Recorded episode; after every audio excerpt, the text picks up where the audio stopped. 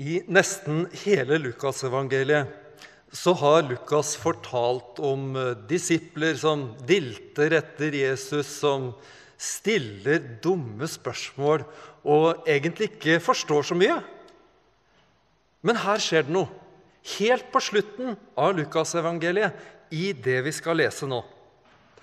Vi leser fra Lukas 24, vers 45 48.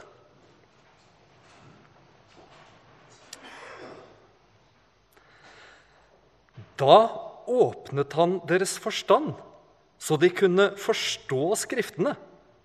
Og han sa til dem, slik står det skrevet, Messias skal lide og stå opp fra de døde tredje dag, og i hans navn skal omvendelse og tilgivelse for syndene forkynnes for alle folkeslag. Dere skal begynne i Jerusalem. Dere er vitner om dette.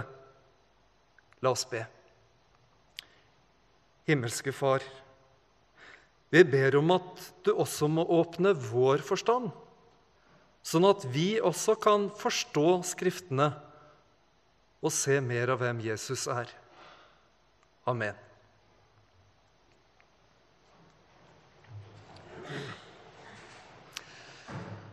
Det her er altså helt i slutten av Lukasevangeliet, når Jesus tar avskjed med disiplene sine. Det er så lite igjen at vi kan like gjerne plusse på resten også, så har vi hele slutten av evangeliet. Det begynner altså med at han åpner deres forstand. Og så får de oppdraget å være vitner. Og så sier Jesus at de skal være i Jerusalem, og så skal de vente på å få Den hellige ånd, som han har lovet dem. Og når han har sagt det, så reiser Jesus opp til himmelen. Og så avslutter hele evangeliet med det her. De falt på kne og tilbe ham. Så vendte de tilbake til Jerusalem i stor glede. Siden var de stadig i tempelet og lovpriste Gud. Lukasevangeliet slutt. Det er et viktig vendepunkt her. Det er noe de endelig har forstått de hadde sikkert hørt det før, men her blir det nytt og virkelig for dem. Jeg tviler på at du kommer til å få høre noe her i formiddag som du aldri har hørt før. Sannsynligvis heller ikke noe som du plutselig forstår, som du aldri har forstått før. Men likevel så ba jeg i starten om at Gud må åpne vår forstand. Jeg tror vi trenger det igjen og igjen og igjen at evangeliet kan bli nytt og virkelig for oss. Hva var det egentlig Jesus åpna opp for dem? Hva var det som fungerte sånn at de plutselig dro til Jerusalem i stor glede, og at de hver eneste dag måtte være ved tempelet og lovprise Gud? Det må jo rett og slett ha vært det her. Slik står det skrevet. Messias skal lide og stå opp fra de døde tredje dag, og i hans navn skal omvendelse og tilgivelse for syndene forkynnes for alle folkeslag. Dere skal begynne i Jerusalem.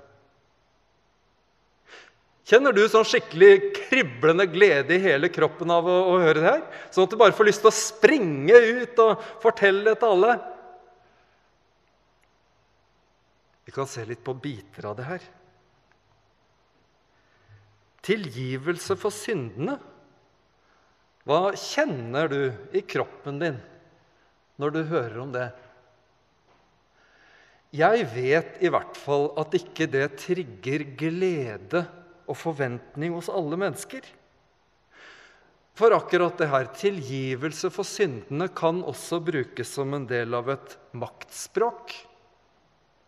Det går an å påføre andre mennesker skam ved å si at 'du trenger tilgivelse'. Noen mener jo at det faktisk er hele Kirkens prosjekt. At hele synsbegrepet er skapt for at vi skal kunne holde mennesker nede. At vi skal kunne påføre mennesker skam, sånn at ikke de kan leve helt og fullt. Hva slags menneskesyn finner vi egentlig i Bibelen? Er mennesket noe fælt, ekkelt, ondskapsfullt? Ja, du finner vel litt av hvert. Men jeg opplever i hvert fall at Bibelen først og fremst beskriver mennesket som noe fantastisk. Fordi vi er skapt i Guds eget bilde. Fordi hver eneste av oss er ønsket av Gud, elsket av Gud og er uendelig verdifulle. Ingen synd vi måtte gjøre, kan endre på det.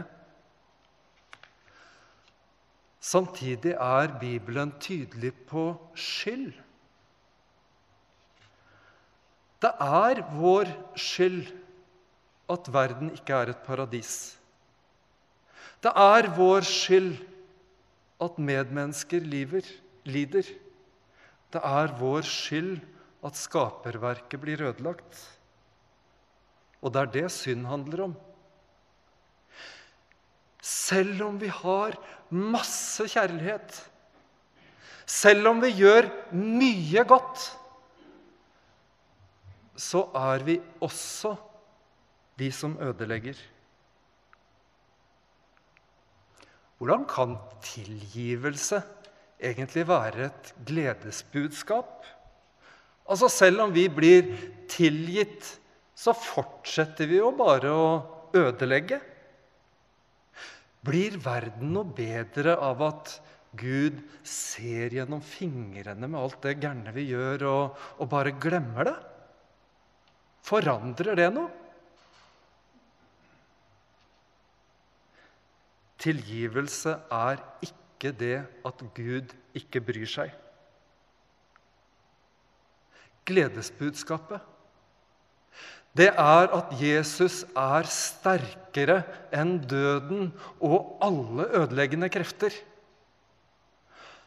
At i et evighetsperspektiv så har han makt til å gjenopprette alt det vi har og kommer til å ødelegge.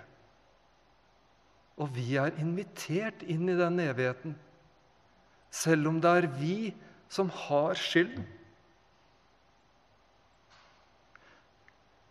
Budskapet om tilgivelse for syndene, det er ikke for å holde folk nede i skam og frykt. Tvert imot. Budskapet om tilgivelse for syndene gjør at vi kan rette oss opp, reise oss. Tilgivelse for syndene, det betyr at vi kan leve med erkjennelsen av skyld, men uten skam og uten frykt. Å leve med erkjennelsen av skyld, men uten skam og uten frykt. For Jesus har sonet vår skyld, og han skal skape alt på nytt.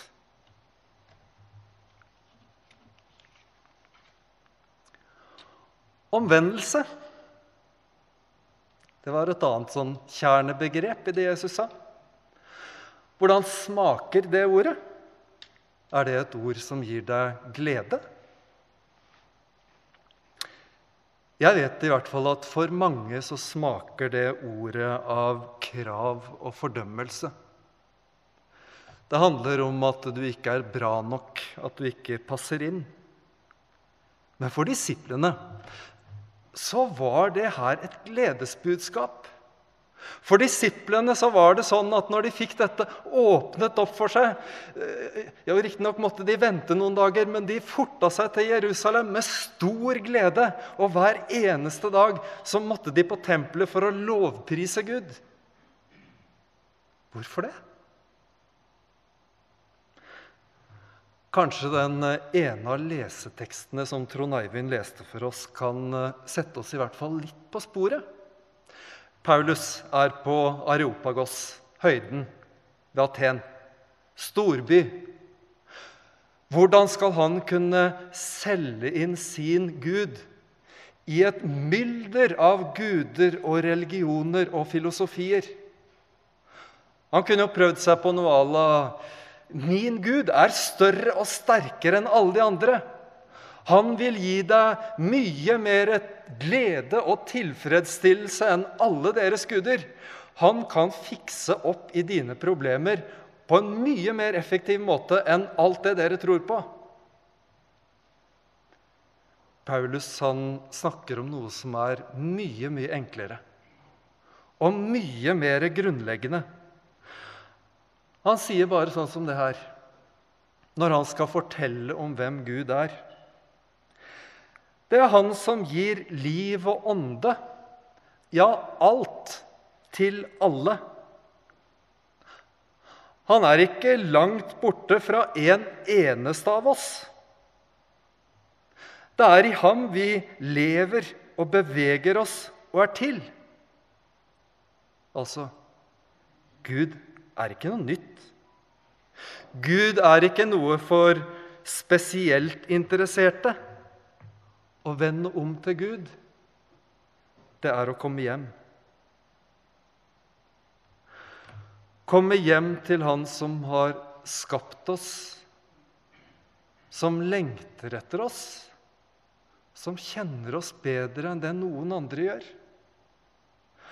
Han som vet hva vi passer til hva vi liker, hva vi er redde for. Å vende om, det er bare å komme hjem.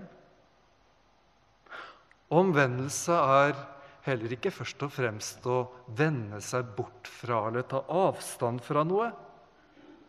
Det er å finne tilbake til Gud ved å følge etter Jesus. Og selv om vi snubler og vingler og stopper opp og ofte er i villrede, så handler det om å gå sammen med Jesus på den veien som ikke ødelegger verken oss selv eller våre medmennesker eller skaperverket. Da disiplene forsto det, forsto hva Jesus hadde kalt dem til, så begynte de å forandre verden i Jesu navn. De måtte bare vente litt i Jerusalem til de fikk Den hellige ånd. De måtte få kraft først. De skulle jo ikke klare det her aleine. Nå er det vår tur. Nå er det vi som er vitner. Og vi trenger ikke å vente på Den hellige ånd. For vi har fått Den hellige ånd allerede i dåpen. Vi kan gå ut i nabolaget, i byen. Vi kan møte mennesker med kjærlighet. Vi kan dele verdens fineste gledesbudskap.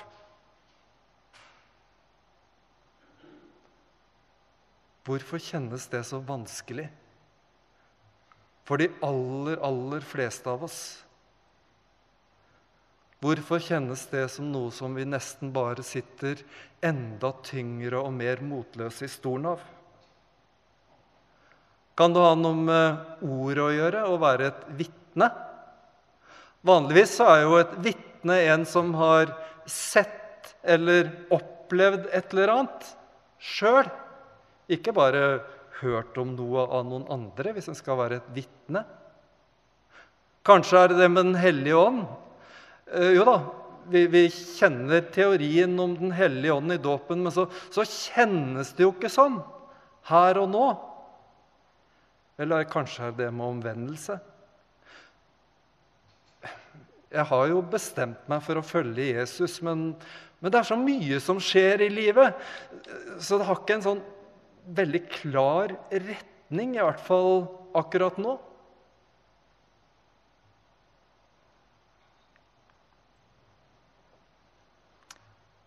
helt fra starten. Fra de første disiplene og hele veien videre så har dette vært en gruppeoppgave. Tenk på at omtrent halvparten av disiplene Vi vet ikke noe mer om dem enn hva de het, for de var så anonyme. Vi aner ikke hva de drev med. Og likevel så ga Jesus oppdraget til dem som en gruppe, som et fellesskap. Og jo da, jeg har en del dårlige assosiasjoner på det der med gruppeoppgaver og gruppearbeid fra skolen. For det betydde stort sett at det var liksom et par som var litt flinkere og litt mer bevisste og frimodige enn de andre, og så skulle de gjøre jobben mens resten liksom satt og, og så på eller, eller tok seg fri. Men i kirka så er det helt annerledes. For her er det en forutsetning. Nettopp det at vi er helt forskjellige mennesker. Når mange veldig forskjellige mennesker med begrensninger, med tvil og med synd kommer sammen sånn som vi gjør nå, og møter Gud og det hellige, da skapes Kirken. Da skapes en hellig, alminnelig kirke. Vi trenger ikke å føle det på samme måten. Vi trenger ikke å tenke helt likt. Vi trenger ikke engang å gå i takt så lenge vi følger den samme Frelser og Herre, Jesus. I en sånn hellig, alminnelig kirke så kan vi igjen og igjen og igjen oppleve at Jesus åpner vår forstand, sånn at vi kan få ta imot evangeliet om nåde enda en gang. At vi kan lære oss å leve med erkjennelsen av skyld, men uten skam og uten frykt. I en hellig, alminnelig kirke så kan vi gang på gang få vende om og finne nye biter av det livet som Gud har skapt oss til å leve, sånn at vi kan vandre sammen med Jesus og gjøre hverdagen til medmennesker litt bedre når vi møter dem. I en hellig, alminnelig kirke så kan vi gang på gang på gang bli fylt av og preget av Den hellige ånd.